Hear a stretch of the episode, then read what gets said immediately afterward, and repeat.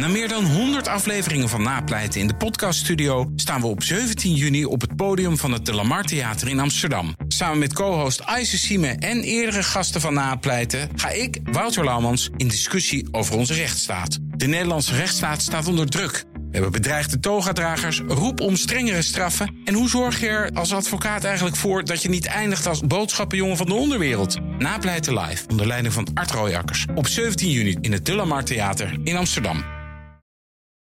Dit is een podcast van BNR Nieuwsradio. Welkom bij de Technoloog, onze wekelijkse podcast over technologie en de impact daarvan op de samenleving. En deze week, Kees Verhoeven namens D66 zit hij in de Kamer. En we hebben hem heel veel te vragen. Zijn portefeuille ICT en technologie en media en auteursrecht. En ook nog Europese zaken en privacy en MKB en economische zaken. Dus dat raakt constant aan, uh, ja, dus dat raakt aan de technologie. En daar kunnen we hem een uur lang over doorvragen. Laten we beginnen. Herbert Blankenstein is hier en natuurlijk, zoals ik al zei, Kees Verhoeven. Herbert, jouw eerste vraag aan Kees. Nou, ik wil het eigenlijk hebben over uh, digitaal stemmen en over uh, jullie verkiezingsprogramma. Want daar staat het niet in. En dat is wel grappig, want um, het is een heel, heel dik programma. Um, ik heb uh, bij de VVD bijvoorbeeld gezien... ja, zij willen digitaal stemmen invoeren, want het kan veilig. Bij GroenLinks staat bijvoorbeeld heel voorzichtig... Uh, digitaal stemmen zijn we niet per se tegen... maar alleen als het veilig kan. Dat is al een heel interessant verschil. maar waarom spreken jullie er niet over uit? We hebben een, uh, wij zijn een ledenpartij, we hebben ook een, een, congres over het verkiezingsprogramma gehad. En oorspronkelijk stond digitaal stemmen wel in het programma. Dus dat we daar voorstander van uh, waren. Dat had de programmacommissie opgeschreven. Maar toen hebben heel veel leden, we hebben ook heel veel, we hebben bijvoorbeeld Digitaal 66, dat zijn echt mensen die heel erg betrokken zijn bij dit onderwerp. Die hebben toen een motie gemaakt en die hebben een amendement eigenlijk, dus een aanpassing van de tekst. En die hebben gezegd het moet eruit. Mm -hmm. Waarom? Omdat ze het niet veilig vonden. En het is natuurlijk ook okay. zo. Uh, digitaal Jij stemmen. was het daarmee eens? Ja, ik was, daar, ik was een ja. van de fluisterende aanjagers van, uh, van, van dat amendement. Ik wilde het er graag uitkrijgen. Ja. Uh, we zijn wel zo democratisch dat de programmacommissie zelf de, de, de tekst opstelt. Maar uiteindelijk hebben de leden het laatste woord. En er was een overweldigende meerderheid die zei... dit is niet veilig genoeg, dus we, we moeten het er weer uithalen. Dus D66 is op dit moment geen voorstander van, van digitaal stemmen, online stemmen. Ja, Herbert, waarom is dat zo belangrijk? Digitaal stemmen? Uh, uh, digitaal stemmen. Uh, ik ben het met deze D66-rebellen, zal ik maar even zeggen, ben ik het eens dat het op dit moment niet veilig is. Ja, daar hebben we het ook over gehad in die vorige podcast. Tenzij je het krankzinnig duur maakt. Ja. Want er zijn wel allerlei manieren waarop je dat dan kan beveiligen. Maar voor je het weet loopt dat gigantisch uit de klauwen. Je moet allerlei protocollen bedenken waar hele volkstammen, bedrijven en vrijwilligers en noem maar op en, en, en ambtenaren zich aan moeten houden. En dat is dus A, veel te complex en uh, B, veel te kwetsbaar.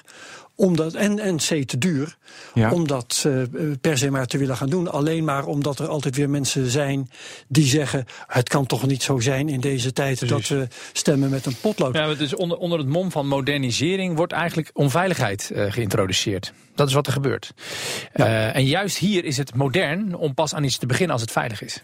En dat is nu gewoon nog niet uh, gegarandeerd. Dus moet je gewoon zeggen, nou dan doen we het uh, met het potlood. Uh, en niet met een, een, computer die op de een of andere manier bijvoorbeeld is aangesloten op internet. Of met, met USB-sticks die niet goed beveiligd zijn. En allerlei ja. procedures daaromheen. Maar ik heb wel, weet je, ik, dat heb ik vaak ook gezegd, ook in deze podcast. Het is eigenlijk ook wel heel knullig dat het dus te duur is en, weet je, en niet veilig. Het is best wel knullig van de technologie sector dat dat nog steeds zo is in 2007. Want we kunnen zoveel en dan kunnen we niet eens digitaal stemmen.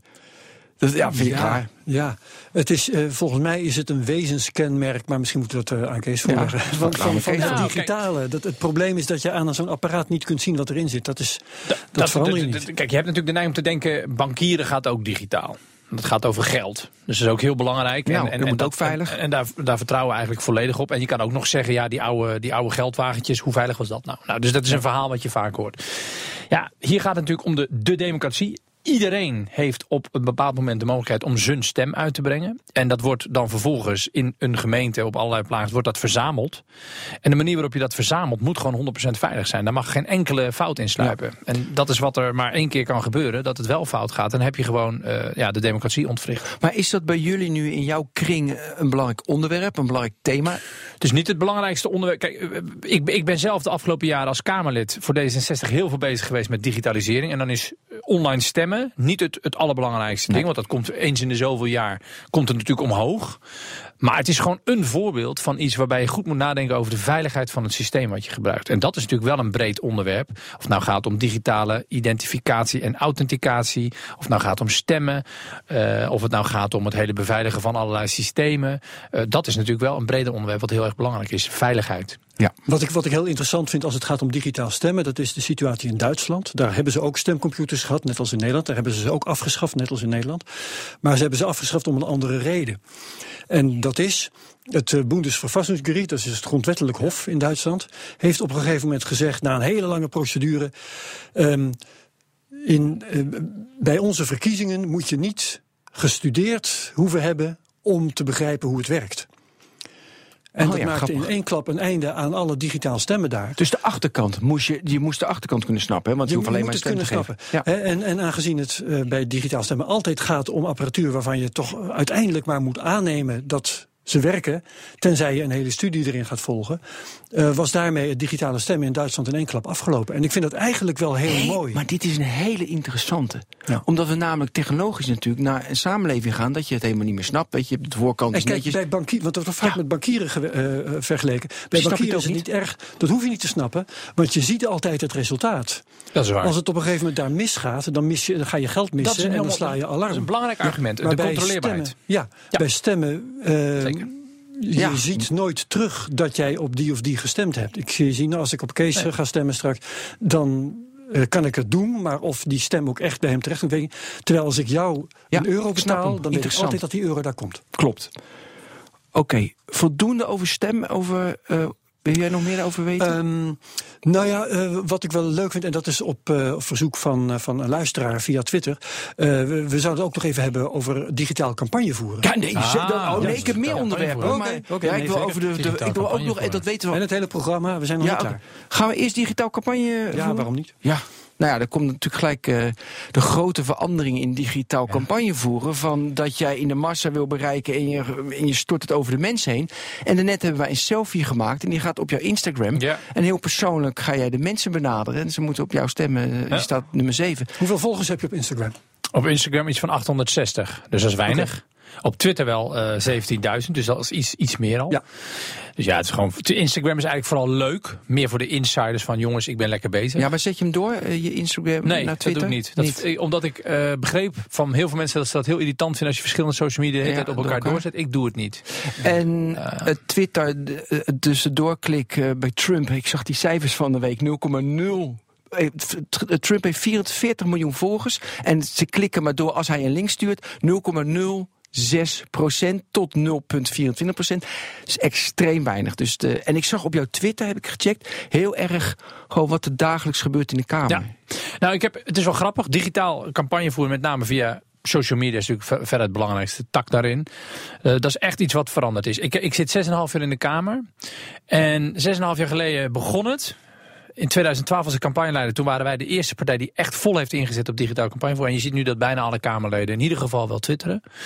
Uh, en ook wel aan Facebook of LinkedIn doen. Het is heel grappig. Je hebt, ik gebruik alle dingen verschillend. Twitter vertel ik gewoon drie, vier keer per dag wat ik aan het doen ben. Uh, wat ik van een wet vind. Wat ik van, wa waarom ik in een bepaalde vergadering zit. Dat ik op werkbezoek ben. Uh, dus ik vertel heel erg, dit doe ik en dit vind ik. Echt wel veel zenden. Ik probeer zo interactief mogelijk te zijn. Maar ik krijg ook wel heel veel reacties van trollen en, en, en chatbots. Uh, waar, waardoor ik ja. soms wel merk dat het zo vervuild is dat ik de goede zeggen, kritiek er bijna niet uit kan halen. Ja. Dat vind ik wel jammer. Het is echt vervuild. Het is ja. vervuild water aan het worden. Ja, en blok je het snel? Nee, blok niks. Niemand. Niks. Nee, nee maar wel nee. als een troll is als je denkt van... Nee, niks. Niks, niemand. Nee, ik, ik, ik, ik, ik lees het dan gewoon niet. Dit, dit zou ik misschien je kunt muten ook, hè, dan, dan, uh, ja. maar ja, dat doe ik dus niet. Nou, dan heb ik Facebook, dat, dat doe ik iets meer gewoon met beeld, met video. Uh, bijvoorbeeld fragment uit de kamer, werkbezoek, filmpje, jongens, ik ben nu hier. Dus dan kan je iets meer, vind ik altijd iets, iets meer verhaal bij. En LinkedIn doe ik gewoon echt meer de zakelijke markt. Ja. En Instagram, ja, Instagram uh, lollig, ik ben hier. Uh, haha. haha. Wat natuurlijk... maar ik geloofde... Met Ben en Herbert natuurlijk. Ja, natuurlijk. Ik geloofde niets van dat verhaal, maar het was van Cambridge Analytics. Er was zelfs bij Buitenhof dat verhaal uh, van Meeuwse. Die zei van dat Cambridge Analytics had uh, had alle data van Facebook. Dat hadden ze gekoppeld aan de Big Five, uh, weet je, personeel, uh, weet je, zeg maar personality traits. Weet je, Ocean is dat. Je moet open zijn als mensen, conscientieus en, en, en, en empathisch en, enzovoorts. Dat hadden ze gekoppeld, waardoor Trump precies kon zien van... oké, ik moet die boodschap naar die, die boodschap naar die... en daardoor heeft Trump gewonnen. Dat was een van de verhalen, een monsterboard... eh, nee, mon- nou ja, dat was ergens een bron... Ehm, En ik geloofde niks van dat verhaal, omdat namelijk Trump kan niet in jou, die kan alleen maar Facebook doen en die moet toch een algemene boodschap op Facebook plaatsen of op Twitter plaatsen. Zit jij daarin? Ben je daarmee bezig? Hoe je target, wat Ja. je vertelt? Je ziet natuurlijk wel dat eh, de, de algoritmes eh, van de verschillende social media eh, en de filterbubbels, waar we natuurlijk, ik weet niet of jullie het daar ook wel eens over Ja, gehad hebben, maar nee, dat is een belangrijk onderwerp.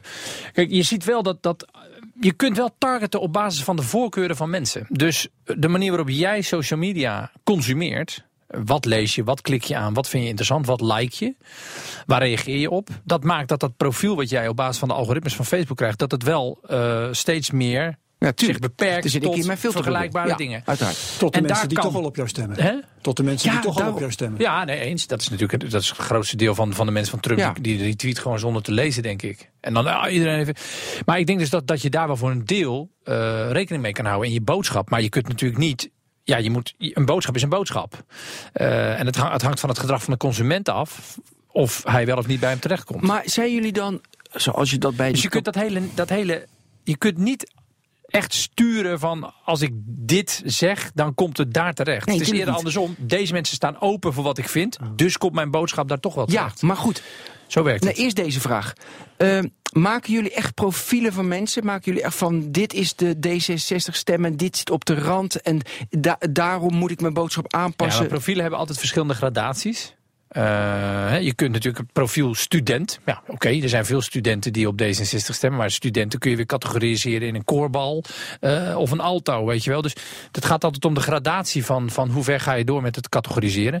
Op regionaal niveau doen we dat wel. Eh, we doen het op doelgroepniveau. Maar we gaan nog niet zo diep dat we echt van iedereen precies weten wat hij doet. Dat, dat kan in Nederland ook niet, want je kunt die data namelijk gewoon niet allemaal verzamelen. Dat kan in, Amer- in de Verenigde Maar Staten mijn- daar veel verder mee gaan. Mijn opmerking daarnet ehm ging erover dat je via sociale media over het algemeen de mensen eh, bereikt die toch al belangstelling Ja. voor jou hebben. Ja. Dus heeft het wel een ca- campagne voeren, is mensen ervan overtuigen om op jou te gaan stemmen, Mhm. die dat nog niet van plan waren. Bereik je die wel via sociale media? Ik denk, dat dat, ik denk ook dat het eh, wel overschat wordt. Ja. Eh, wat je ook heel erg ziet is dat bijvoorbeeld als ik een tweet stuur over iets, dan wordt die soms door een journalist opgepakt. En dan zet een journalist hem in de krant. En dan bereik ik Kijk, ineens wel ja. een brede publiek. Ja. Dat is een heldere, helder weg. Dat is ook voor heel Ja. veel mensen de reden waarom ze twitteren. Omdat ze worden gevolgd door hun partijgenoten. Ze worden gevolgd door hun eh, ja, collega's, de andere Kamerleden. En door journalisten. Dat zijn een beetje de drie groepen die je op volgt op Twitter. Nou, die andere Kamerleden gaan niet op jou stemmen, want die zitten bij een andere partij. Die andere, dat, dat zijn al jouw stemmers. En dan heb je de journalisten die het misschien kunnen, kunnen verspreiden. Ja, Maar- ja, ja, ja, ja. Maar Kees, wat is jouw kernboodschap? Even v- denkt van ik word... Op dit moment is mijn Ja. kernboodschap dat ik vind dat, dat ICT, technologie, digitalisering te weinig eh, aandacht in de politiek Oké, krijgt. dus jij mijn, staat- hoofd, mijn hoofdboodschap, stem op mij als Ja. je IT belangrijk vindt. Ja, dat, is dus- mijn, dat is mijn hoofdboodschap. Ja, dus dan zou je in principe alle verhalen, het Ratenau, eh, de, Ja. weet je, eh, eh, wordt document onderzoek van afgelopen week, al die, de- die ga jij zo vormen en delen en dat ga je op de randen van jouw zeg maar, kiezers ga je dat verspreiden. Ja.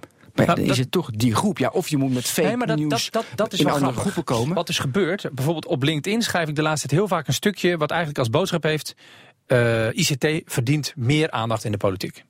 En dan schrijf ik bijvoorbeeld weer een stukje over het feit dat twintig wetenschappers een brief hebben geschreven. Die hebben gezegd, Ja, eh, er moet een eh, minister van, IC, eh, van ICT en technologie komen. Mag, ik- mag ik een re- redactionele suggestie doen? Ja, zeker. ICT verdient meer deskundige aandacht in de politiek. Ja, maar laten, we- Want- laten we beginnen met, Heel aan- goed, laten we beginnen met aandacht en dan komt de deskundigheid vanzelf. Nou, dat moet je toch Nou, jawel, dat in de politiek werkt het zo. Ja. Ehm, je, je hebt eerst aandacht nodig en vervolgens krijg je specialisatie. Oké, vooruit. Ehm, wat ik dan doe, en wat ik dan merk, is dat die stukjes eh, best wel, die worden een keer 100, 120 keer geliked. Dan worden ze dus ook weer door andere mensen gelezen. Dus zo begin ik nu wel een groep te bereiken die geïnteresseerd is, en die gaan mij dan ook volgen, die geïnteresseerd is via via eh, in, in stukjes over politiek en, en ICT. Dus door veel te schrijven over een onderwerp, bereik ik wel meer mensen uit die doelgroep. Branded content.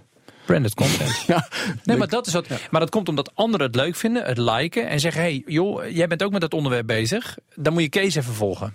Ja, maar Herbert, Herbert niks zoeken volgens mij. Ik spreek nu van Herbert.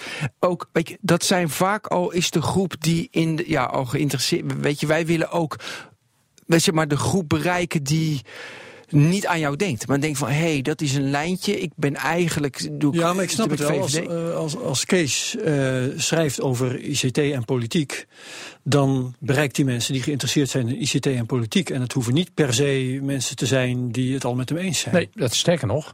Dat is het een leuke. inhoudelijk verband. Ik merk wel dat dit het onderwerp is Ja. waarmee ik echt een, een doelgroep aan het bereiken ben. Eh, en dat ik nu ook zelf zeg maar heel veel over dit onderwerp praat. Dus het is echt nu een wisselwerking aan het worden die gewoon werkt. En die gaat verder dan alleen maar de vaste D66-achterban. Zijn er dingen Maar er spelen jij... wel weer vakbladen en zo een, een rol in. Dus de traditionele media spelen er wel weer een rol in. Want bijvoorbeeld een, een blad als de automatiseringsgids, AG Connect, heeft mij laatst uitgeroepen tot IT-politicus. Die zetten dat op de site. Ik deel dat. Maar ja, de Ja. mensen die daar werken delen het ook weer. Waardoor ik weer een nieuw eh, aantal mensen bereik. Omdat ik op dat, in dat blad sta. Mag ik? Nou, ik wil alleen nog even weten, dit soort dingen... ehm, dokter je die uit samen met je campagneteam? Of doe je dat op eigen initiatief? Hoeveel wordt daarover gepraat bij jullie? We hebben natuurlijk een campagneteam wat echt de D66-campagne doet. Dus ook echt op het niveau van, van D66-doelgroepen, D66-onderwerpen. En dit is eigenlijk meer mijn eigenlijk persoonlijke eh, thema. Dus je hebt, zeg Daar ben je maar, ook vrij in. Daar ben ik vrij in. Ja, ik heb zelf ooit twee of drie jaar geleden gezegd: jongens, ik, ik zie zoveel dingen veranderen. Ik zie zoveel dingen gebeuren. Ik zit hier in de Tweede Kamer en we hebben het er alleen over als er een keer een, een, een, een, een cookie wol eh, eh, is die irritant is. Of als er een keer een hack is bij een bedrijf. En verder hebben we nooit. We praten nooit over robotisering. We praten nooit over cybersecurity. We, we praten nooit over de verandering van het onderwijs en de zorg op lange termijn door innovatie en technologie. Het gaat er nooit over. Dus op een gegeven moment dacht ik, weet je, ja, dan ga ik het gewoon zelf doen. En omdat ik inmiddels al wat langer in de Kamer zit. De partij gelooft dat als ik ergens over begin dat het niet gelijk onzin is. Dus ik kreeg ook wel een beetje de ruimte bij D66. Heb ik daar gewoon ja, zelf steeds meer over gelezen. En op een gegeven moment hebben we, hebben we vorig jaar een techvisie geschreven. En die is nu in het programma gekomen. Maar ook wat je zegt, Dus eh, het is eigenlijk mijn eigen actie wel. dingen geweest. schrijven op LinkedIn en al die dingen die je net hebt genoemd. eh, dat is een soort eigen strategie die eh, van Lieverlees uit de gisteren. En weet je ook of dat effectief is? Ik bedoel, eh, iets schrijven op LinkedIn en alles wat, wat daar dan aan vastzit. Is dat effectiever dan, noem eens wat, eh, de krant bombarderen met ingezonden stukken? Ik denk dat je het allemaal moet doen. Ja. Eh, ik schrijf ook regelmatig een, een, een stuk op een, op, een, op een site of in de krant over dit onderwerp. Maar ik doe ook LinkedIn. Eh, en ik probeer ook in mijn kamerwerk, met, met door het stellen van kamervragen of een debat aan te vragen, probeer ik het ook aandacht eh, voor te krijgen. Dus ik doe het op alle verschillende manieren. En ik merk wel dat het werkt. Want als er in de media gesproken wordt over dit onderwerp, krijg ik bijna altijd een uitnodiging. Ja, maar nu ben je wel de hele dag bij hiermee bezig. Natuurlijk campagne voeren, dat hoort erbij, dat snap ik ook wel. Maar het lijkt me ook wel ja, een beetje zonde van je tijd. Want jij bent beleidsmaker, je zit in de Kamer, weet je, dat is eigenlijk je kernvak, daar moet je over nadenken. Ja. En dan moet je de hele dag gaan twitteren, LinkedIn stukjes tikken en Ja, Kamerleden hebben, hebben een hele diverse dagtaak. Hè? Nee, maar je, wat je zegt klopt wel. eigenlijk zonde, hè? Campagne maar jij, jij kijkt er een beetje. Je kijkt er. Vies bij. Ja, streng vond ik het. Oh, oké. Maar eh, als dat. ja, het is maar twee maanden. Ja, ja, eh, je maar- trok in ieder geval een zuinig mondje, laat ik Ja. het zo zeggen. En ik snap het wel. Kijk, Maar maak een vraag van. Vind jij campagne voeren leuk? ik vind het super. Maar ik vind het. Ik, heb, ik, heb, ik ben vijf jaar campagneleider geweest voor de partij. ja? 2012 tot en met 2016. Vijf campagnes gedaan. Ik durf hier wel te zeggen, in deze besloten ruimte van deze, dat dat ook wel ten koste van mijn kamerwerk gegaan Nou, is. dat wilde ik Nee, dat eigenlijk is jouw punt. En je hebt Ja. gelijk. En we, hebben, eh, we hadden het er net even over. Hebben over de wet computercriminaliteit 3. Dat is een wet die de politie de mogelijkheid geeft om te hacken. Dat is een hele vergaande verandering. Dat is een dikke wet van 150 pagina's. hebben we een paar maanden geleden behandeld. Twee weken geleden hebben we de wet op de inlichting en veiligheidsdiensten behandeld. Waarbij de inlichtingendiensten de, de, de toegang krijgen om te tappen. Onge, eh, Mhm. eh, ongericht te tappen op de kabel. Dat zijn twee megawetten. Ja. Die moeten heel gedegen behandeld worden. En ik heb eindelijk nu de tijd gehad om als Kamerlid duizend pagina's tekst te lezen.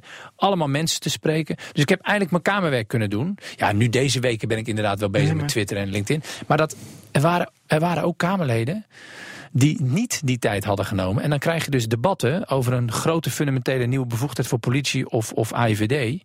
Die eigenlijk in een zucht eventjes wordt aangenomen in de Ja. Kamer. En dat is wel zorgelijk. Heb, heb je nooit de neiging om eh, tegen collega-Kamerleden te zeggen: doe je huiswerkers? Ja, maar dan word je wel een beetje een wijsneus, hè. Ja. Kijk, ik ben natuurlijk al. Iedereen heeft al zoiets van ja, Kees, daar gaan we weer met je, met je ICT. En we weten het nu wel. Dat wordt op een gegeven moment wordt, het- wordt het ook een beetje. Dat ze Ja, maar denken, dit is al schokkend, hè? Nee, maar ik, ik- wat ik zeg, je hebt, je, je hebt dus wel gelijk. Ja, maar het is ook schokkend dat ze zo, ja, daar heb je weer met iets. Want dan beseffen ze dus, dus jouw boodschap dat dat belangrijk Ja, is ja. met kennis, hebben ze dus nog steeds niet door. Nee, eigenlijk niet. Nee, laatst zijn Kamerlid tegen mij, die ik heel graag mag. Zei, ik, had- we hadden een debat over Europa. En toen zei ja joh, je, hebt, je, hebt, je, hebt- je bent alleen met ICT bezig, zei hij tegen me. Zo lachend van, ja weet je, je hebt je niet in Europa verdiept waarschijnlijk vandaag. Ja. Dat, dat was omdat hij, ja, dan heeft hij dus wel door dat ik daarmee bezig ben. Maar hij zegt eigenlijk ook van, ja. Maar het, het was dat wel, waar? Huh? Was dat waar? Nee, want ik weet, oh, ik, ik weet ook wel Ik wat heel we veel van Europa vinden. Oké. Maar ja, dat is een andere podcast eh, hebben, dus daar moeten we een Ja, andere precies. keer over praten. ja, ja. Ehm, gaan we nog wel hier. Ja, ik, ik kan uren doorgaan, maar ja, mag ik dan? nou ja, eh, stappen we af van digitaal campagne voeren, is eigenlijk mijn vraag. Want ik Eh, heb ja, nog wel een digitaal vraag camp- over. ja, ik ook. Oké. Oké, ik eerst eh, Ja, digitaal campagne voeren. Ik, ik zit ermee van, dan, eh, weet je, ik ben het helemaal eens met jou. Weet je wel, inderdaad, moet veel meer kennis, ICT belangrijk. eh, Maar goed, maar goed ik, mm, D66 stem ik niet, want ja, de algemene. En dat vind ik dus vervelend. Ja. Nee, ik weet dat dat inherent is ook, aan vind ik politiek. trouwens ook vervelend. Nee, maar snap. Nee, maar dat is echt irritant. En, Ja. en dan moet je weer een compromis. Dus alles Ja. is dus weer Ja. een compromis. Moet ik bemiddelen tussen jullie Ja, maar kijk, jongens? dat is het leven. Kijk, jij bent, ook, jij bent waarschijnlijk ook, nou, ja, dat weet ik niet. Je, je zult ook andere onderwerpen belangrijk vinden. Misschien wel sport, eh, misschien nee, wel sport economie. niet. Eh, groene groei vind ik heel erg belangrijk. Nummer 21 bij jullie, eh Matthijs Sinot. Sinot, is, is een vriend van mij. Die gaat voor groene groei. En eh, dat- vind ik, ja, dat vind ik mooi. Dus heel duurzaam. En maar met technologie duurzaam maken. Ja, nee, kijk, D66 zegt groene groei is anders produceren en niet altijd per definitie minder consumeren. ja. Ja, Nou, ik zie dat je nu begint te glimmen, dus Ja. misschien dat aan het eind toch nog een D66 stemmen. Ik gun hem overigens aan Matthijs. ja. Want Matthijs die, die, die werkt er hard voor. Ja, die die zit, nu, zit nu op de rand van. eh, Want we gaan, we gaan nu wel richting het feit dat hij echt in, in, de, in, de, in, in de buurt van de zetel komt. We hadden laatst in één peiling 20. Het zou natuurlijk fantastisch zijn als we zoveel halen. Maar eh Matthijs gun ik het ook. Dus, eh, hij, hij, maar goed, los daarvan. Je vindt verschillende dingen belangrijk bij een politieke partij. Je moet een afweging maken. Maar het zou natuurlijk. Ik heb dus laatst die titel gekregen, ICT, politicus van het jaar. En toen heb ik gezegd, nou, ik wil hem volgend jaar echt niet meer hebben. Dan moet er in ieder geval Ja. minimaal één ander Kamerlid bij Ja, een goede partij zijn. Precies. Ja, ja, ja. Dat was, jouw, dat was eigenlijk Ja. het punt, toch? Ja. Ik wil nog even van je weten of digitaal campagne voeren eh, nog iets anders inhoudt dan je flink roeren op sociale media. Eh, zeker wel, want je kunt natuurlijk ook als campagneteam advertenties inkopen eh, op Ja, allerlei verschillende. Facebook misschien, ja. Nou, Facebook, maar ook op allerlei websites die veel gezien worden. Ja, dus dat is natuurlijk een ander aspect, maar dat hoort er absoluut. Ja, maar doe je dat dokteren. Facebook? Ja, daar heb, maar daar hebben wij gewoon gespecialiseerde bureaus. Zo, daar weet ik zelf ook echt weinig Maar toen ik campagneleider was, hadden we één jongen die gewoon verantwoordelijk was voor alles wat digitaal was. En hij had gewoon samen met een inkoopbureau gewoon getarget eh, advertenties gekocht. Ja. En toen zag ik inderdaad heel vaak in de laatste weken, als ik ergens op een nieuwssite zat, natuurlijk vanwege mijn profiel, algoritmes, eh, zag ik heel vaak D66 langskomen. En hoe weet je dan in vredesnaam of je inderdaad het eh, optimaal gedaan hebt? Ja, dat, dat, dat, dat, is natuurlijk met, met posters plakken ook. Je hebt ook Ja. bureaus die bijvoorbeeld Abris inkopen. Hè. Abris zijn die, die, die, die, die, die posters op, op, op de stations. Ja, dan zeggen sommige partijen, zeggen, je moet daar hangen. Maar Ja, wie, maar- zegt dat dat, wie zegt dat dat iets Maar oplevert? op Facebook is Ja. dat toch heel makkelijk? Het is Ja, toch gewoon. kliks. Ja, dat ik gewoon. Ik like liberale dingen en ik like groene dingen en ik Ja, like. maar je moet wel weer je geld verdelen tussen Facebook en al die andere websites Ja. waar je je geld en die abris. Ja, en, maar eh, Facebook kan je zo goed targeten. Volgens mij zou Nou ik ja, als dat waar campagne. was, dan moest je dus alleen maar je geld in Facebook zetten. Nee, ja, En dat Dat is, ook, dat is ook de trend nu. Maar Herbert, dat is de trend. 70 De procent. trend is dat er steeds meer op Ja. Facebook ge, Wauw. ge, ge, Ja, ge- ja, ja. geadverteerd wordt. Ja. Want eh 70% van het advertentiebudget, digitaal advertentiebudget in Nederland gaat naar Facebook Ja. slash Google. Ja. Dus ja, 30% naar de rest een beetje nog een beetje. Dus het is gewoon Facebook die 30% gaat naar een paar grote nieuwsites. Ja. Ja. Maar dat is wel opzienbarend hoor. Dat, eh, Dat, het- nee, maar Facebook, alles- zoveel ma En vooral in Ja. politiek, want Google is natuurlijk nog zoeken. En jij, jij- dus zeg maar, je Ja, Google weinig- heeft. eh, Kijk, wat Facebook heeft en wat Google niet heeft. Facebook is interessant voor politici omdat ze er zelf content op kwijt kunnen. Ja. Ja. En dan heb ik gewoon. En dat is met Google. Google heeft ook zo'n. eh, ja, Google Plus bedoel Google je. Plus, Maar maar dat dat is niks. Nee, nee, Dat is niet relevant. gelukt. Niet relevant. ze hebben voortdurend gezegd dat het wel lukt, maar het is niet gelukt. Is dit al een bruggetje naar, eh, eh, naar Facebook, de macht van Facebook? Eh, dat ze een. Ik dat wil, ze- nou, als we die kant op gaan, wil ik eigenlijk liefst nog even door het ja, dat, partijprogramma ja, van ja, dat D66 moeten we ook nog doen. Maar Ja, dan weten de mensen wel dat staat dat nog ook in, hè? komt. Mag, oh, dat wist ik niet eens uh, meer uit mijn Facebook hoofd. is een onderdeel Ja, in ons partijprogramma. dat- Nou, niet als, als, dat niet als super af, afzonderlijke paragraaf, maar we hebben daar wel aandacht aan besteed. Ja, oké. Eh, ik, ik kom hier bijvoorbeeld een, een zinsnede tegen. Het politieke debat is een beetje een klacht van jullie. Beperkt zich volgens nog tot boze reacties op gehackte OV-chipkaarten, mislukte ICT-projecten of irritante cookie-meldingen. Ja. Dat is vast een zin die jij hebt. eh, Zeker. Nee, maar de, dit is gewoon heel simpel. Alles wat er in ons programma staat, komt rechtstreeks uit die techvisie die wij gemaakt hebben. Ja. En dat is gewoon eh, met, met een paar amendementen van de leden dus. Hè. Ja. Wijzigingen van de leden. En eh, dit is inderdaad een zin die wij op een gegeven moment... Dit was de aanleiding voor de techvisie. Ja, Het maar gaat het in de komt een, politiek beetje alleen maar over, over incidenten. komt een beetje over als eh, nou, al dat gezeur over gehackte OV-chipkaarten enzovoorts. eh, en ik onderschrijf dat voor twee derde, want Mhm. OV-chipkaart is misschien niet het grootste issue en irritante cookie-meldingen ook niet. Maar die mislukte ICT-projecten, Ja. dat is toch wel even een ding. Daar is mag je ook- toch wel over zeuren. Dat is ook, daar is ook heel erg over gezeurd. Want er is ook een aparte commissie ingesteld die toen Ja, eh, zeker. eh, Ja. daar werk van heeft Nee, ik gemaakt. dacht even En, dat eh, jullie dat eigenlijk toch Nou maar ja, dat is dan, in de dan heb je, weet je, soms ben je gewoon in een adem naar drie voorbeelden op zoek om je punt te maken. En toen had ik naar cookie-meldingen en de over chipkaart had ik nog een derde nodig. Toen heb ik die ICT-project genomen. Dus dat moet je me dan, dan, dan klopt jouw twee derde eens ook wel. Nee, die ICT-projecten die mislukken bij de overheid, dat, dat zit natuurlijk heel diep. Ja. A, geen kennis. Er is gewoon geen kennis bij de, bij de overheid. En je hoeft niet eens kennis te hebben van het systeem. Maar dan moet je in ieder geval kennis hebben van, van het feit wat je nodig hebt. Zodat je de, de, de- degene die je inhuurt, dat je die gewoon goed kan Ja. aan kan sturen. En dat kunnen ze niet. Ze zijn totaal om afhankelijk ja. van drie, vier, vijf grote ICT-jongens. Die met z'n allen de opdrachten verdelen. Die uurtjes eh, en factuurtjes schrijven. Het Ja. is echt, en het loopt altijd uit de klauwen. En, en het levert niet op wat de bedoeling was. Ja. Er wordt gedacht. Vroeger zette een wethouder een groot pand neer in de, eh, in, in de gemeente. Want dan was hij een succesvolle eh, wethouder met daadkracht. Oh, dat is in heel veel kleine gemeenten nog steeds in Nederland. En, en dat is heel slecht. En Weet ik. tegenwoordig is een ICT-project ongeveer de manier om jezelf als wethouder of als bestuurder op de kaart te zetten. Dat is dus niet middel, maar een doel geworden op zich. En dat is heel slecht. Maar ik wil wel even de oplossing, want ik, ik, ik stoor me natuurlijk ook kapot aan die slechte ICT-projecten. Ja, Ja. Ja. Over. Er Dus- moet genoeg deskundigheid zijn bij de overheid om een expert van een knoeier te onderscheiden. Exact. Je moet scherp kunnen inkopen. Je moet tegen een, eh, tegen een eh, partij die je inhuurt kunnen zeggen. Op kwaliteit inkopen, alsjeblieft. Nee, maar dat bedoel ik met scherp. Ik bedoel niet op de prijs. Ja, heel goed. Fijn, fijn dat je me corrigeert dat, eh, dat, dat, dat niet het beeld ontstaat dat ik hier voor de laagste prijs eh, jongens zit te weg. Nee, dat is goedkoop, duurkoop en alles wat er, wat er aan Nee, je moet natuurlijk juist op, op kwaliteit en eh, op een aantal andere criteria kun je wat mij betreft ook nog inkopen. Maar in ieder geval niet op alleen maar de laagste prijs. Want dat werkt niet. Ja, Dat maar ik heb geen. wel. En jullie, jullie hebben kritiek op eh, hoe heet dat, het bureau ICT-toetsing. Ja, dat is gewoon een, eh, een, een, een, een waakhond zonder tanden. Dat is een papieren tijger. Ja, Dat want die- die- van, die- vanwege het feit dat daar mensen van de industrie weer in zitten. hè. Ja, en ambtenaren.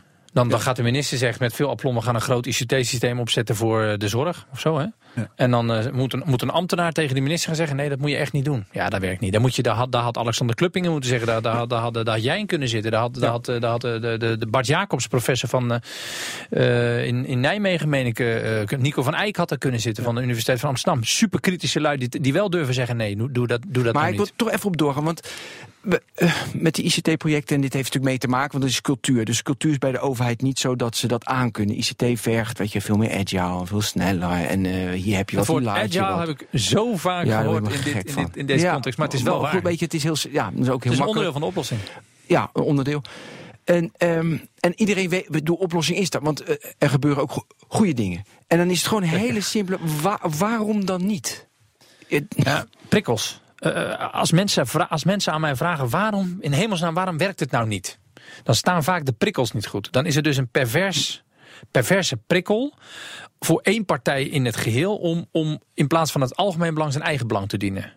Nou, de minister die heeft een perverse prikkel door soms gewoon een grootschalig project op te willen zetten. De ambtenaar heeft de perverse prikkel om de minister niet teleur te willen stellen. En het bedrijf dat het, ja, ik zeg maar even hoe het is. En het bedrijf wat het uitvoert, heeft de prikkel om de ambtenaar voor de gek te houden. En zelf zoveel mogelijk uren te kunnen schrijven. Ja, Dus- maar zo gaat het. Ja, maar ja, ja, nee. Dus moet je daarin knippen. Je moet dus zorgen dat er inderdaad een goede, een, een goed, nou dat, dat bureau ICT-toetsing, een soort waakhond die kan zeggen: ho. Wat gaan jullie nou in hemelsnaam optuigen? Waar is dit, waar is dit goed voor? Dat, moet een, sch- dat had een oplossing kunnen zijn. Als het dan ook echt een serieuze club mensen en was. kritisch en Onafhankelijk en deskundig. kritisch. Wat hebben we gedaan? We hebben eigenlijk gewoon een soort goedkeuringsstempelmachine ingevoerd. En dat is echt een gemiste kans geweest. Wie schuld is dat? Van de minister eh, van, eh, van eh, Binnenlandse Zaken eh, en, en ICT, van minister Blok. Die had, die had dit gewoon echt anders moeten doen. Ja. Die had het advies van de Kamer moeten opvolgen. Ton Elias, Wel bekend. Wel bekend, hij gaat de Kamer verlaten hè, morgen. Ex-Egon. Ja. Eh, eigenlijk wel jammer, want het is een bijzonder Kamerlid. Op één punt, ik geef hem toch maar eens even een compliment. Dat kan hier. Hij gaat altijd tegen dingen in. En heel veel mensen vinden hem daarom irritant. En dat weet hij zelf ook wel. Ja. Maar hier, hij had gelijk. En hij is vol tegen zijn eigen partijlijn ingegaan. Hij heeft gezegd, ja, we, we regeren. We hebben een minister, die de, de VVD-minister wil dit niet. Maar het moet gebeuren. Ja. En het advies is alleen niet opgevolgd. Maar kijk, ik Dus dat is jammer, dat is een gemiste kans. En dat kan ook niet meer goed komen. Jawel. Bij een volgende formatie moet het BID alsnog gewoon eh, een, een scherp onafhankelijk bureau worden. Ja. Waarom niet? nee, maar heel Het is veel. goed dat je me even aan herinnert. Dat gaan we gewoon, dat gaan we gewoon inbrengen. Het staat niet in je programma. Nee, moet wel, moet, nou, dus bij deze dan. Addendum. We, ja, precies. We, Podcast amendement van addendum. BNR. Nee, weet je waarom? Kijk, heel vaak zijn er twee, drie partijen dat, dat ontlo- die, kunnen, die kunnen het wel. En ik, maar, maar die incentives, maar dat zijn oude Partijen bedoel incentives. je industriële Eh, partijen? Industriële partijen die Ja, ja, het kunnen nee, maken. Twee of, ja, maar, nee, maar die kunnen het wel. Maar, dus, maar dan is het meer van hoe kan je samenwerken en hoe. En dat die incentives die je hebt. Kijk, jij hebt een grote doel dat je. eh, Nederland op, op het digitale vlak groter en beter wil maken. Dat is ook mijn persoonlijke doel. Ja. Joh. En uiteindelijk verdienen we het geld, dat gaat helemaal niet om. Maar je wil, je wil iets. Heeft Herbert ook. En dat is de belangrijkste incentive die je zou moeten hebben. En dan is het natuurlijk niet zo'n groot mogelijk ICT-project, want dan krijg je een medaille van iemand of je verdient eh, twee knaken meer. Maar ik snap niet dat er nog steeds mensen zijn die dat niet begrijpen. Dus Ja. ook die in de Tweede Kamer zitten. Ja, dat is heel raar. Ja, dat, het is gewoon zonde. Laten we dit deelonderwerp eh, afsluiten. Ik wil graag weten of jullie zijn voor het leren programmeren op school. Absoluut. Vanaf zes jaar. Ehm, het mag wel ietsje breder. Leren programmeren is volgens mij de, de, de, de harde vaardigheid. Je moet misschien ook wel iets met digitale vaardigheden. Waardoor je gewoon wat meer gevoel krijgt als, als, als kind van zes. Wat betekent het als ik een foto op internet zet? Hoe, wat, wat betekent het als ik iets opzoek? Wat betekent het als ik iets doe? Hoe? Ja. Maar het leren programmeren, de taal, de digitale taal leren, dat is absoluut iets wat moet gebeuren. Ja, en ik wil hem inderdaad breder in digital savviness worden. En er zit Savviness is ook zo'n term. Ik zit heel vaak dus met, met digitalo's, noem ik ze altijd. En dan gaan we weer vergaderen, dan gaan we weer brainstormen. Wat moeten we nou weer doen? Eh, Internet of Things. Agile. Maar ja, sorry voor die term. Maar ja, goed, ik dan kom je wel- weer terug. En dan komt er Maar daar ik, nog wel ik, een. weet er goed, ik weet geen goed Nederlands and woord. mean. Oh ja, Nee, maar daar dat is ik gek van. Eh, dat is een motie- Savviness, hè, is het hè? Motie om Streetwise is het toch? mogelijk- Nee, eh, dus- Nederlands te gebruiken. Ja, maar ik weet geen woord voor. Eh, maar dus inderdaad, maar programmeren is daar een onderdeel van. Ja. En dat zie je vooral nu ook weer van de week met, je, met die blootfoto. eh weet je, dan plegen mensen zelfmoord. Mensen zijn niet mediabewust. Ze weten Nee. niet ook Nee. veiligheid, eh, privacy. Kinderen, kinderen moeten geen bijvoorbeeld, wat, is een onderdeel van digitale vaardigheden? Je, je, zit achter een computer en er staat een leuk eh, jongetje van, eh, van 9 jaar. Zegt: Hoi, ik wil graag even met je chatten. En je moet dan kunnen bedenken dat het ook een, een, een oude man van 60 kan zijn. Ja. Dat moeten kinderen snappen. Dat soort dingen. Maar dat vindt toch ook, hoop ik, iedereen eh, dat dit moet gebeuren? Ja, maar ook hier geldt een ander naarding van de politiek. Dat is eh, dat er altijd prestigeprojecten zijn. En- Dat ze daar nog ja, last maar van ik hebben, zeg, ik zeg het even eerlijk. Kijk, je hebt, je hebt eh, volgens mij het onderwijs 2020. Dat is een soort grote, brede afspraak die gemaakt is. Die gaat over de nieuwe curri- curricula Ja. van de toekomst. Dus de manier waarop de, de, de, de vakken worden aangeboden. En, en pas daarin zou het dan geregeld worden. Dat betekent dus dat, dat, dat we echt nog jaren gaan wachten... eh, voordat we de nieuwe groep eh, eh, kinderen gaan opleiden op de manier zoals zou moeten. Dus hier wordt gewoon gezegd... Nee, we hebben deze afgesproken dat we in 2020 mee beginnen. Terwijl de, de deskundigen zeggen... je had vier jaar geleden al moeten beginnen. Dus ook hier geldt, doorbreek nou even dat, dat, dat, dat trage pad. En gewoon laten we in, in 2017 bij de formatie ook afspreken dat dit gewoon in alle eh, scholen gewoon eh, geregeld gaat worden. Ja. Je ziet wel veel is- eh, initiatief van onderaf. Hè? Ja. Er zijn steeds nog- meer scholen die het zelf aanbieden. Ja. Ja. dan krijg je dus tweedeling. Ook een belangrijk onderdeel van, Ja, van ja. Tweedeling. Ja. Sommige mensen krijgen alles aangereikt en sommige mensen niks. Maar wie Digitaal. moet die, die lessen gaan geven? Want vaak heb je er de leraar ook niet voor. Nee, dat is op de Pabo moet het, dus- de Pabo moet het dus ook een veel belangrijker onderdeel worden. Nee, het is echt, je moet je echt aan je eigen haar omhoog trekken. Ik, ik weet ook niet goed hoe dat moet. Nou ja, er zijn natuurlijk goede programma's om ervoor te zorgen dat eh, eh, bovengemiddeld geïnteresseerde docenten het al wel kunnen aanbieden. Die hebben dan dus gewoon zelf een jaar Ja. de tijd of een half jaar de tijd om het via die programma's goed te kunnen geven aan kinderen. En dat moet je langzaam groter maken, die groep. En op een gegeven moment krijg je weer echt eh, ook dat het een vak op de PABO moet worden. Ja, dus we hebben het over scholen. Technologie is heel belangrijk. Daar zit programmeren bij en de rest. Maar het is ook belangrijk dat we minder, kom weer agile, maar minder fix denken. Weet je, want je leert op school natuurlijk heel erg als in, als, het in, als in het industriële tijdperk van in, een monomaan, lineair. en we moeten juist no- de collectief. rijtjes en we moeten, me- moeten non-lineair. Ja, ja. Dus wat voor vakken zijn dan daarvoor nodig om ze daarmee in te trainen? Nou, dat, dat, dat is natuurlijk ook wel. Leer je creativiteit? Ja, maar dit raakt al heel erg aan de nieuwe rol van, van de leraar. Die vroeger natuurlijk degene was die aan 30 kinderen centraal, klassikaal, de stof doorgaf. Ja? En tegenwoordig is hij veel meer een begeleider tussen alle verschillende bronnen en in alle verschillende snelheden die kinderen hebben en alle verschillende kwaliteiten die, kwaliteiten die kinderen hebben. Ik denk dat big data en het bijhouden van persoonlijke behoeften een kans is om veel meer op maat van een kind te gaan zitten. En de docent, de leraar, die zal dan echt moeten zorgen dat hij het wel tot een groep houdt waarin interactie is tussen verschillende karakters. Dus het wordt in plaats van een, de enige bron die aanbiedt, zoals een huisarts ook niet meer de enige bron is die, die weet wat je hebt als je Ja. pijn hebt aan je neusvleugel. Dat kun je ook op internet opzoeken. Maar de, de huisarts moet wel even zorgen dat zin en onzin gescheiden wordt. Dat er gewoon even het goede medicijn bij komt. En dat je alsnog wel eventjes wel de verschillende informatiebronnen tot, tot in ieder geval één. Nou, die leraar heeft ook een nieuwe rol in dat grotere, in dat grotere spel van informatie en data. Dus het wordt veel meer iemand die gaat zeggen: jij bent daar goed in, jij bent daar slecht in. En we zorgen dat iedereen op zijn eigen maat eh, zoveel mogelijk leert. ja, mag ik een brede vraag wel stellen? een beetje filosofisch antwoord dit trouwens. Ja, een beetje vaak, maar dat maakt niet uit. Want het, Beetje, het is een beetje een agile antwoord, zou je kunnen zeggen. In dit we geval. Eh, Eh, eh, ja. Eh, hoe, vind jij. eh, ik, weet het, ik weet het nu niet meer. Ehm, maar wat wil ik zeggen? Ik kom er zo op terug. Herbert, wil jij even? Dan moet ik even wat ik nou bedacht. eh, mag ik daar een ander onderwerp uit het verkiezingsprogramma dan? Oh, jammer. Of raak je dan helemaal van je apropos? Nee, want ik wil We namelijk. hadden het over onderwijs. Hè? Ik wil het onderwijs. Ik weet het niet meer. Een Oké, ander onderwerp. Goed. Ehm, jullie, Jammer. eh, eh, hier is een passage zoals een auteursrecht dat dezelfde spelregels heeft in alle Europese landen. En waar het verkrijgen van lokale recht op één plek. Jullie willen hervorming van het auteursrecht. Ja, we willen eigenlijk gewoon één licentie voor heel Europa. Ja, maar het wordt mij niet duidelijk wat jullie anders zouden willen aan, eh, aan het auteursrecht. Want ja, één licentie. Ehm, ik zou, als ik het mocht zeggen, bijvoorbeeld, zou ik zeggen: die duren van het auteursrecht moet ontzettend naar omlaag. Ik noem maar een dwarsstraat. Ja. Er is zoveel. Oh ja, het dus is zo geperverteerd in allerlei opzichten. je- wat willen jullie anders je het bedoelt, je bedoelt de, de, de beschermingstijd. Ja, Ja. ja, dat is natuurlijk een wat minder digitale... en, en die, die wildgroei aan naburige rechten, Ja, ja, ja, en kabelrechten en Ah, leenrechten. En, Wat je ik eigenlijk... word er gek van. De- de- de- ik verdien er geld aan trouwens hoor, maar het moet, moet weg.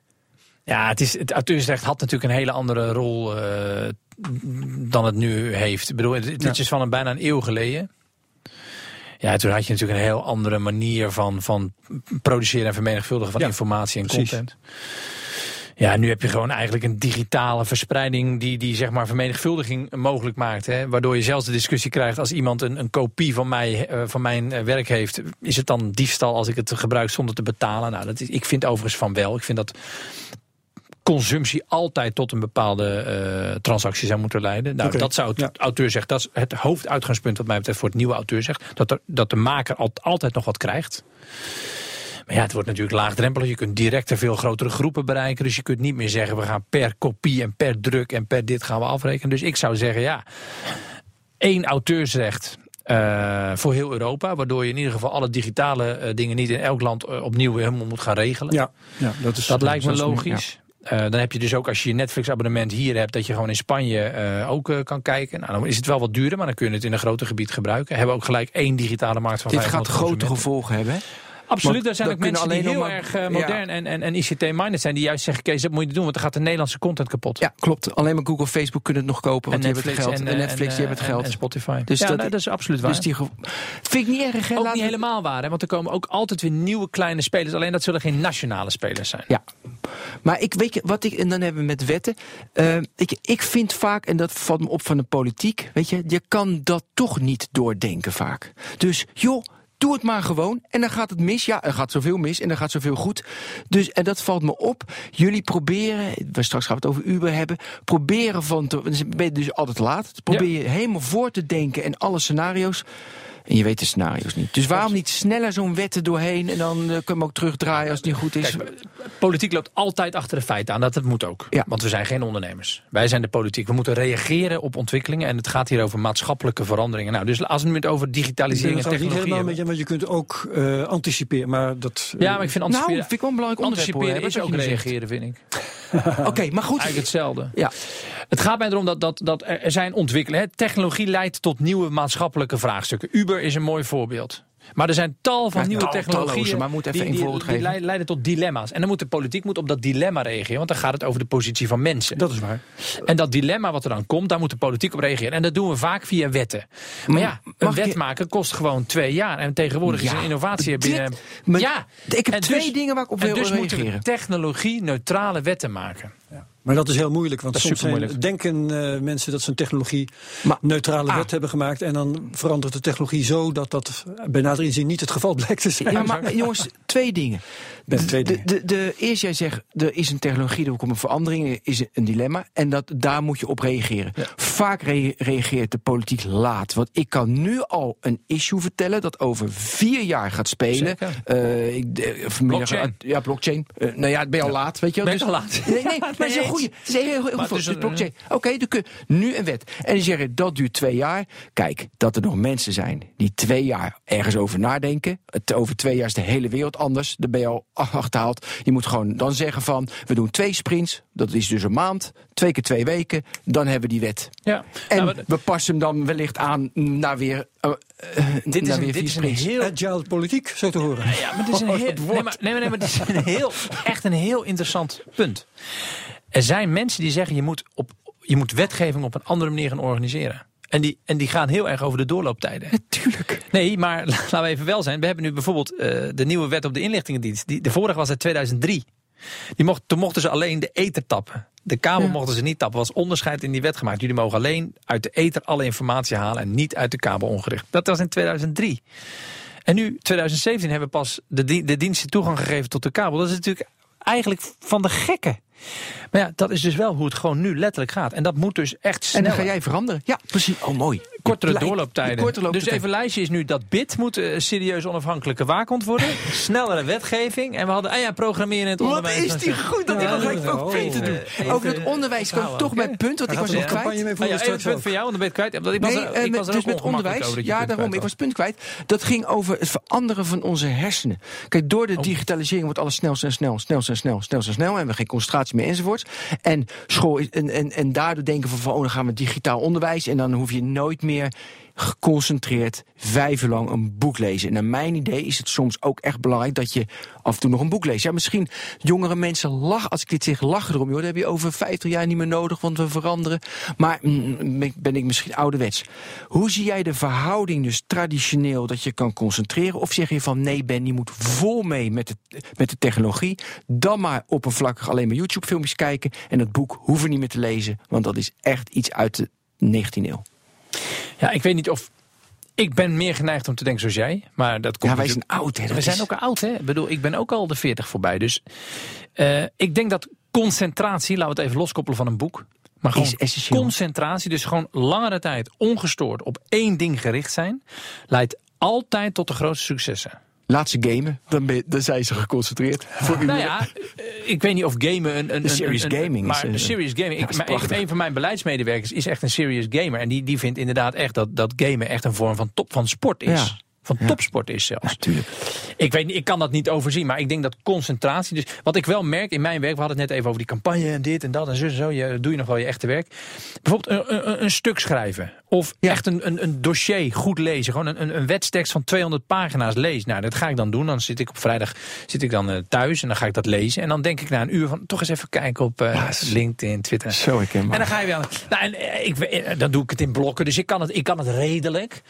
Maar ik zag Kees van der Staaij, de, de, de, de fractie, eh, de partijleider van de SGP, hè, dat is een echt, nou, echt zo'n klassieke. Die zit dus altijd in de Tweede Kamer een boek te lezen. En die kan zich dan blijkbaar heel goed concentreren, terwijl de anderen allemaal zitten te twitteren en te, te, te mailen. En, eh, of gewoon te luisteren ook wel. Dus ja, ik denk dat wel concentratie heel belangrijk is. En blijft. Of het in een boek is. Het is, dat, het is wel heel interessant, want ja, dat, dat twitteren dat is wel belangrijk voor eh, je werk als Kamerlid. Hè? Nou ja, het luisteren naar eh, stemmen uit het land. Nou, maar ook, ook weet je wat het gek is? Je kunt als Kamerlid echt heel goed werk doen en, en, en een wet beslissend veranderen. Maar als niemand weet dat je dat gedaan heeft, dan heeft jouw partij daar niks aan. En dat is ook nog weer cynisch. Je moet Ja. ook wel weer zichtbaar zijn. Ja. Scoren. Dus de hele tijd is het en inhoud en vorm en het verkopen daarvan. En eh, dat, Ja. dat maakt dat het een, een, een, een, een divers beroep is. Ja. Mag ik nog een eh, flart, een flodder uit het Maar die hersenverandering, die, hersenverandering door digitale mensen is wel een interessant punt. Nou hè, Ja. Want daar moet de overheid namelijk ook iets mee. Snap je? De- Want je moet beleid maken. Je moet Kijken jullie trouwens, jullie moeten een keer eh, die, die Black Mirror. gedaan, allemaal, allemaal gezien. Fantastisch hè? Fantastische Oké, die moet ik nog. Echt Black Mirror.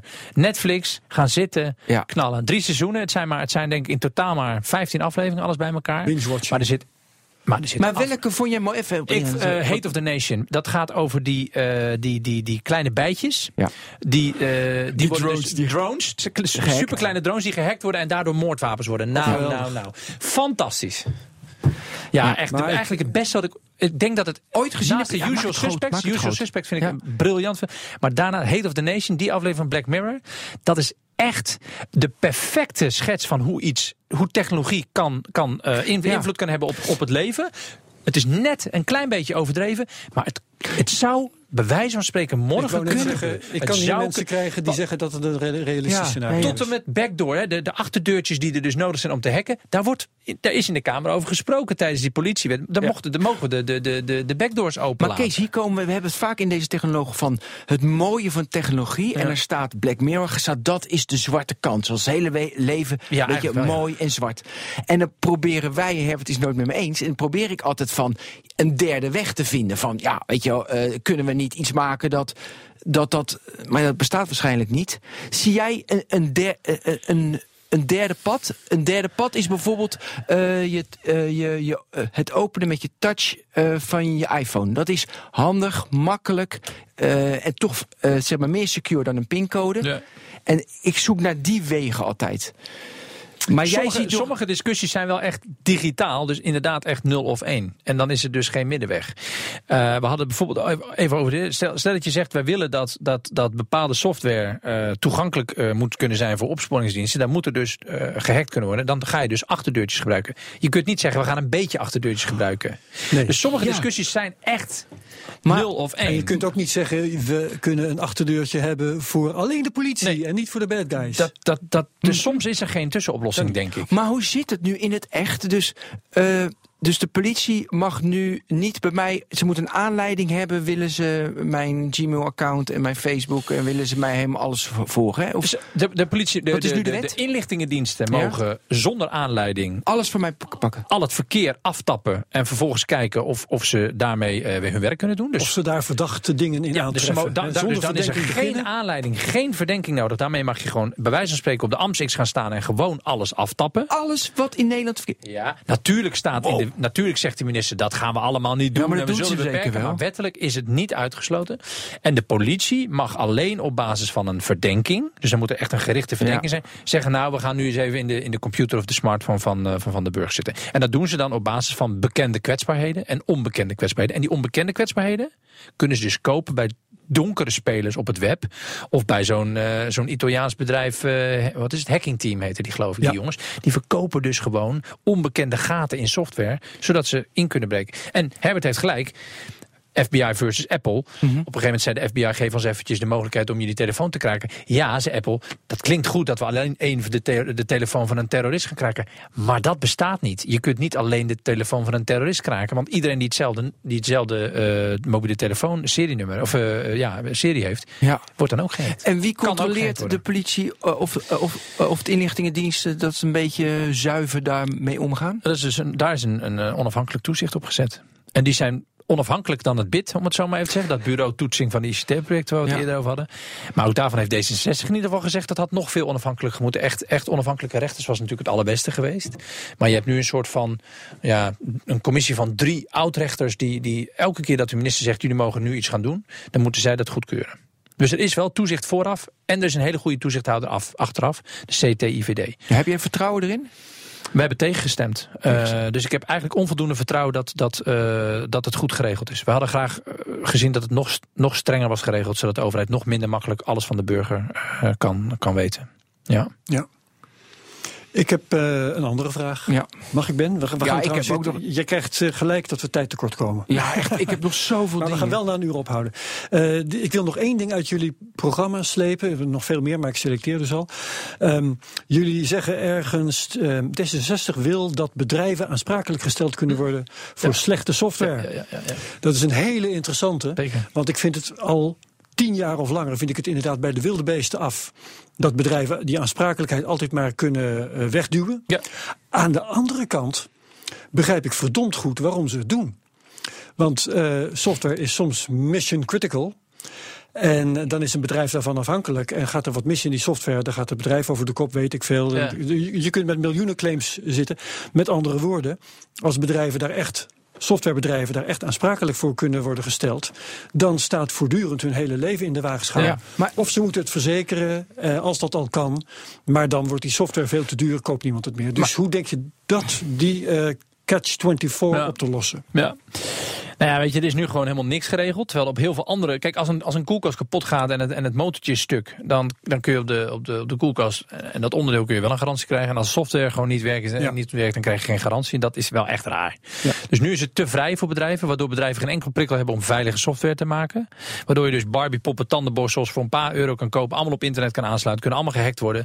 Cameraatjes, leuk. Zo'n goedkoop cameraatje hangen we even op de kindercamera. Kan makkelijk gehackt worden. Kan onderdeel worden van een, eh, van een, eh, van een bot. Van Ja. een botnet waar, waarmee ze weer DDoS aanvallen doen. Dus bagger. het moet wel veiliger. Dus ik vind wel dat die bedrijven dan maar wat, eh, dan maar wat meer kosten moeten maken. En dan moeten we ook als consument bereid zijn misschien maar wat meer te gaan betalen. Ja, of te laten ja, liggen. echt gewoon, weet je, de kosten. Stel dat jij op een gegeven moment, eh, ransomware, dat is nu weer de nieuwste, nou, dat is ook weer de, niet, niet, niet de nieuwste trend, maar het bestaat al een tijdje. Maar eh, er zijn gewoon heel veel computers die worden dan gewoon eh, gehackt, afgesloten. Ja, moet je dus 1000 euro betalen om erin te kunnen. Dan kun je beter gewoon een tientje meer betaald hebben voor veilige software. Ja, maar het is wel een beetje, toen ik het hoorde, net wat je vertelde. Kijk, als je een koelkast koopt, dat is een, dat- die, is, die is stuk of hij doet het. Maar eh, met digitale middelen, met software, weet je, het is nooit goed of slecht. Het kan altijd beter. Het is nooit af. Het, gaat, eh, het ontwikkelt. Het is een, waardoor het veel lastiger is. Waar is het nu goed? Ja, in versie 1.0 voldoet vandaag. Maar Ja. 1.0 voldoet morgen niet meer. Dan moeten we alweer versie 1.1 maken. Ja. Dus daarom is Nee, die best wel lastig. oké? Dat is wel waar. Je kunt, je kunt vrij snel, als je het heel erg strak zou, eh, zou, zou maken, zou je heel, heel snel tot hele hoge kosten kunnen komen. Dat gevaar zie ik. Maar zoals het nu is, is helemaal niks geregeld. Eh, dus dan zeg ik, laten we dan in ieder geval kijken of we naar een redelijke vorm, een redelijk Ja. niveau van, van garantie, van aansprakelijkheid toe kunnen. Ja. En daar hou je natuurlijk ook rekening met de positie van de fabrikant. Want niemand wil dat fabrikanten geen software meer Maar kunnen Kees, dit kun je nationaal nooit regelen. maken. Nee, Europees. Dus heeft het ook weinig zin om het in je eh, programma te zetten voor de Tweede Kamerverkiezingen? Eh, ja, dat is wel waar. Maar als je bij alles zegt, grensoverschrijdend, dus Europees, dus hebben we er geen mening over, komen we niet verder. Dus we hebben gezegd, laten we in ieder geval dan als Nederland wel zoeken naar een manier om te zorgen dat op onze markt, voor de Nederlandse 17 miljoen mensen, eh, er niet allemaal onveilige apparaten in de winkels liggen waar niemand wat van weet. Maar ja, het is natuurlijk, dit, dit moet je bij uitstek Europees regelen. Dat mag, Nederland mag ook geen verkoopverbod opleggen zelf. Dat mag niet vanwege de Europese interne marktregels. Ja, ja, ja, ja. Dus je hebt gelijk, het moet Europees. Ja. Ben, Eh, mag ik al mijn onderwerp eh, Ja, vragen? Ah, daar komt hij mooi. Ik wil heel je- graag. hoe lang zat je al te wachten? Ja, al eh, ongeveer zo lang bezig zijn. Want dit- is, de, daar zie, zie ik hier naar uit. Ik zie hier naar uit. Ik wil graag met je hebben over de veranderende rol van, door de digitalisering van de overheid, van, de, van, eh, dus, eh, eh, dus van het bedrijfsleven, van de consument. Bijvoorbeeld de gig economy, weet je, vaste contracten. Maar doordat alles digitaal is, weet je, hebben we veel vrijere contracten. Dat de overheid meer moet faciliteren. De eh, weet je, veiligheid wordt anders. Dus die hele wet, we hebben Uber genoemd, waardoor Ja. de. En wat voor rol de overheid speelde en nu moet gaan spelen in de toekomst. Er staat natuurlijk in jouw programma hoe jij daarover nadenkt. Maar nemen we alleen al vaste contracten, losse contracten. Dat daar moet de overheid iets mee. Ja. De be- dus de bescherming van de taxichauffeurs, Ja. daar moet de overheid Ja, iets mee. Hoe zie jij in echt meter, meter, meter de rol van de overheid in de toekomst? Beschermen van de, weet je, van de burgers was het vroeger, politie was het vroeger, onderwijsverzorger was het vroeger, maar dat doen mensen zelf. Want ik kan op YouTube kan ik zelf zeg maar leren. Hoe heb je daar een, een groot beeld over? Ja, nou, er zijn natuurlijk een aantal. Nou kom je ook al heel dichtbij zeg maar, het, het, het sociaal-liberale denken. Maar dat zal ik er dan proberen. Dan wordt het wel heel groot. Maar eh, je hebt natuurlijk een, zeg maar, een opvatting per politieke partij. Verschilt de opvatting van de rol van de overheid. Ja. Nou, D66 vindt dat de overheid een aantal taken heeft. Waarvan gewoon duidelijk is dat de burgers ze niet individueel kunnen regelen. En de rest moet je gewoon aan burgers zelf overlaten. Dus even kort. Tuurlijk, ja. Nu krijg je dan digitalisering. En Ja. de hele verandering van de wereld. Met hele nieuwe vraagstukken, nieuwe domeinen. De basic inkomen, eh, weet je, Allemaal. Een van de belangrijke dingen is, je je zegt het beschermen van de burger. Nou ja, vroeger was het door middel van uh, uh, misschien wel gewoon uh, klassiek het leger. Tegenwoordig heb je ook een cyberleger nodig. Nou, dat is dus gewoon, ondanks het feit ja. dat het digitaal is, heb je eigenlijk nog steeds ongeveer dezelfde taak. Namelijk beschermde burgers, in dit geval tegen een cyberleger. Dus voor een deel blijven dingen ook hetzelfde, maar wordt het gewoon een, een digitale uitvoering. Een aantal andere dingen zijn echt nieuwe taken. Een basisinkomen. Nou, jij, jij, jij noemt er toevallig nu twee, om, om het nog even wat. Ik zoom nu verder in, hè, Ja, want dat, dat, maar je, je vroeg me meta te Ja, beginnen, dus ik, ik ben nu aan het inzoomen. Ik ga door die trecht en ik kom dan uit bij twee punten. Dat is het basisinkomen en die flex en die vastcontract. Ja. Dat gaat eigenlijk allemaal over de tweedeling. Je hebt een groep mensen die, die profiteert van, van robotisering, automatisering. Want die hebben het kapitaal, Hoog die hebben het geld. De, de productie wordt goedkoper en zij pakken al het geld. En ze kunnen het ook nog veel makkelijker over de hele wereld verschepen. Dat is Uber, dat is Google. Dat zijn al die grote bedrijven eh, die, die, die, die heel veel innovatie hebben. Heel veel robots hebben. En steeds minder mensen in dienst. Ja. Dan heb je die groep die dus eh, geen geld meer heeft. Of een flexibel contract waar ze tien jaar geleden een vast contract hadden. En die denken van ho ho, wat gebeurt hier? Nou, ik vind, D66 vindt eh, het ook echt een overheidstaak om de digitalisering en ook wel de globalisering, om dat te herverdelen. Dus de baten van digitalisering moeten naar een bredere groep mensen dan gebeurt als de overheid niet ingrijpt. En dan kun je Dus zeggen, de belastingconstructies van Apple, ik noem maar ja, iets. die moet je absoluut gewoon dat aanpakken. Een basisinkomen vind ik een heel lastig onderwerp. Ja. Dat i- het klinkt wel leuk, maar het is ook wel weer een asociale maatregel. Want dan gaat er ook weer heel veel geld naar mensen die het niet nodig hebben. Mhm. En dan heb ik liever dat het geld van de overheid wat meer gaat naar mensen die het echt Maar nodig je hebt hebben. het hoe dan ook over herverdeling. Maar Herverdeling vind ik wel. Maar hoe- daar, hoe- daar loopt, daar loopt, daar, dat is altijd een eng punt voor heel veel mensen. Ja. Eh, en dan weer nivelleren. Ja, het is Wij heel hebben gewoon in ons programma staan. De digitalisering, de globalisering moet worden herverdeeld. Want je kunt niet toestaan dat een steeds kleinere groep mensen steeds meer geld heeft. De bazen van Apple en Uber en alles. en ja, dat, dat de is niet in Nederland. de- Wat bedoel je? Nee, maar dus de basis van Apple, dat is niet in Nederland. Nee, maar de herverdeling zit natuurlijk ook, ook, geo, eh, zeg maar ook, ook geografisch is er, wel, is er wel iets aan de hand. Jij zei net heel terecht, ja leuk dat je Netflix eh, in heel Europa wil toestaan, maar dan gaat de Nederlandse Ja. publieke omroep misschien wel kapot. Ik vind dat een relevante vraag. Ik vind, ik vind het relevant om toch te kijken, ja maar we willen toch ook gewoon Nederlands drama houden. Nou, misschien moet het dan wel niet meer subsidie voor Nederlands drama. Ja, die is er nu. De, de Nee, maar nog krijgt meer, er- ja, dat is ook zo weer zo'n voorbeeld. Bijvoorbeeld, en nu geven we geld aan, we geven geld aan televisie. 750 miljoen per jaar gaat er naar televisie. Klanten, digitale media krijgen niks. Waarom? Het is, dat is dus niet technologie neutraal. Eigenlijk heel raar. is een voorbeeld van de veranderende rol van de overheid. Ga dan onderzoeksjournalistiek eh, subsidiëren. Ja. Maar doe het op radio, doe het op tv, doe het op een podcast, doe het op een eh, vlog en eh, doe het op een YouTube kanaal. Maar hebben jullie een concreet plan om die herverdeling dan gestalte te geven? Nou, we hebben een plan voor banen. We hebben een plan waarbij we zeggen de, de, de, de vaste contracten moeten echt makkelijker beschikbaar worden voor meer mensen. Dus meer mensen moeten echt een vast contract kunnen krijgen. Dat, dat is een arbeidsplan wat we gemaakt hebben. Dat is gewoon eigenlijk gericht op Maar dat is tegen de trend in, hè? ja, weet ik. ben in die gig weet ik, weet ik, weet ik. Maar dat Ja. komt omdat die hele doorgeslagen flexibilisering, zelfs een partij als D66, die, wij geloven best wel in het individu. We geloven in transacties tussen mensen en bedrijven. Dus waarom moet de overheid ertussen zitten? Maar je ziet dat het doorslaat. Dus moet je ook wat doen aan de bescherming van de werknemer. Basisinkomen zijn we nu bezig met een paar experimenten. Heeft het congres heel voorzichtig van gezegd, ga er maar naar kijken.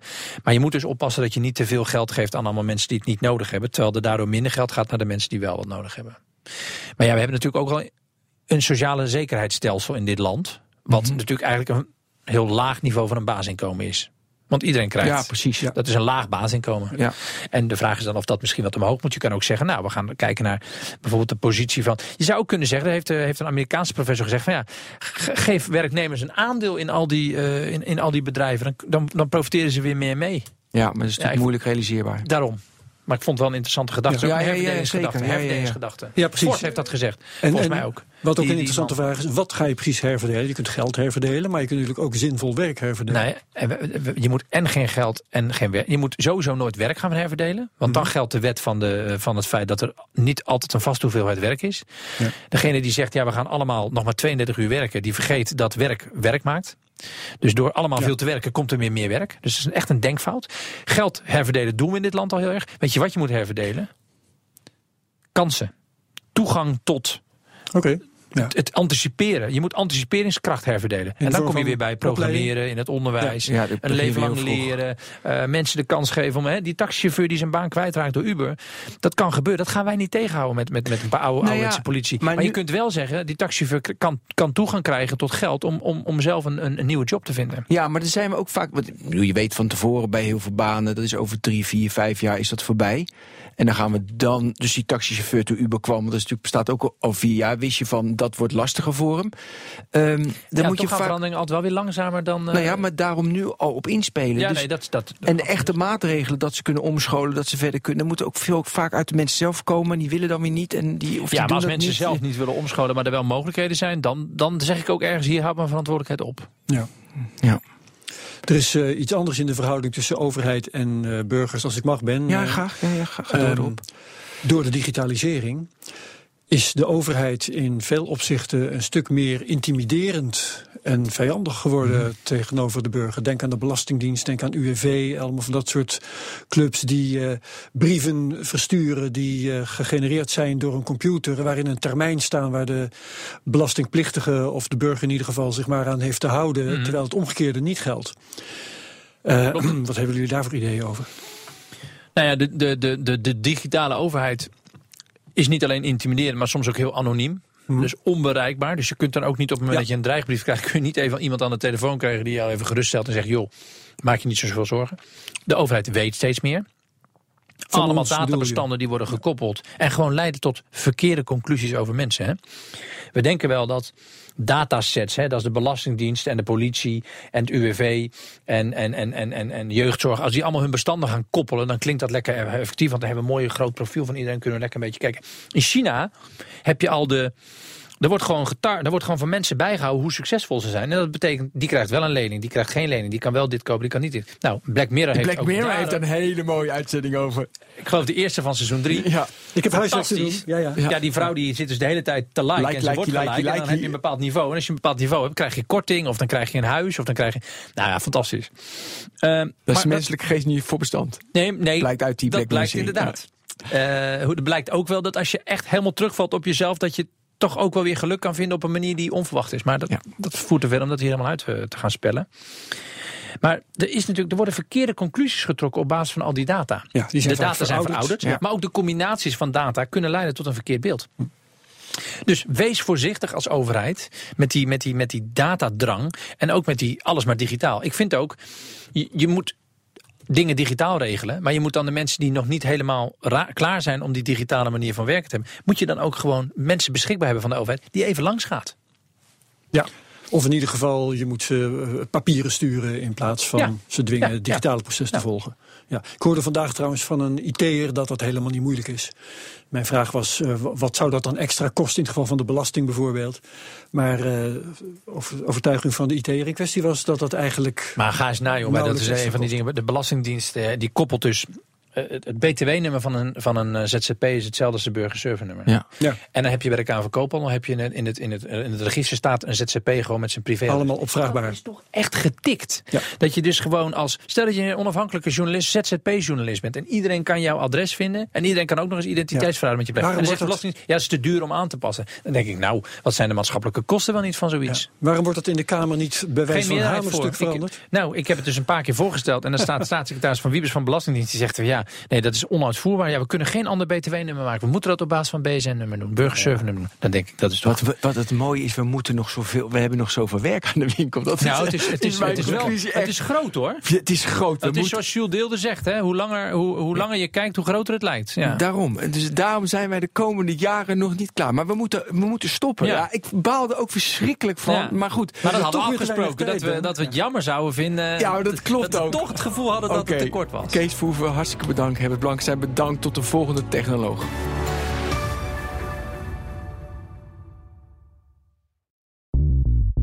Bij BNR ben je altijd als eerste op de hoogte van het laatste nieuws. Luister dagelijks live via internet. Bas van Werven. En heel langzaam komt de zon op rond dit tijdstip. Je krijgt inzicht in de dag die komt op BNR, het Binnenhof in Nederland en de rest van de wereld. De Ochtendspits. Voor de beste start van je werkdag. Blijf scherp en mis niets.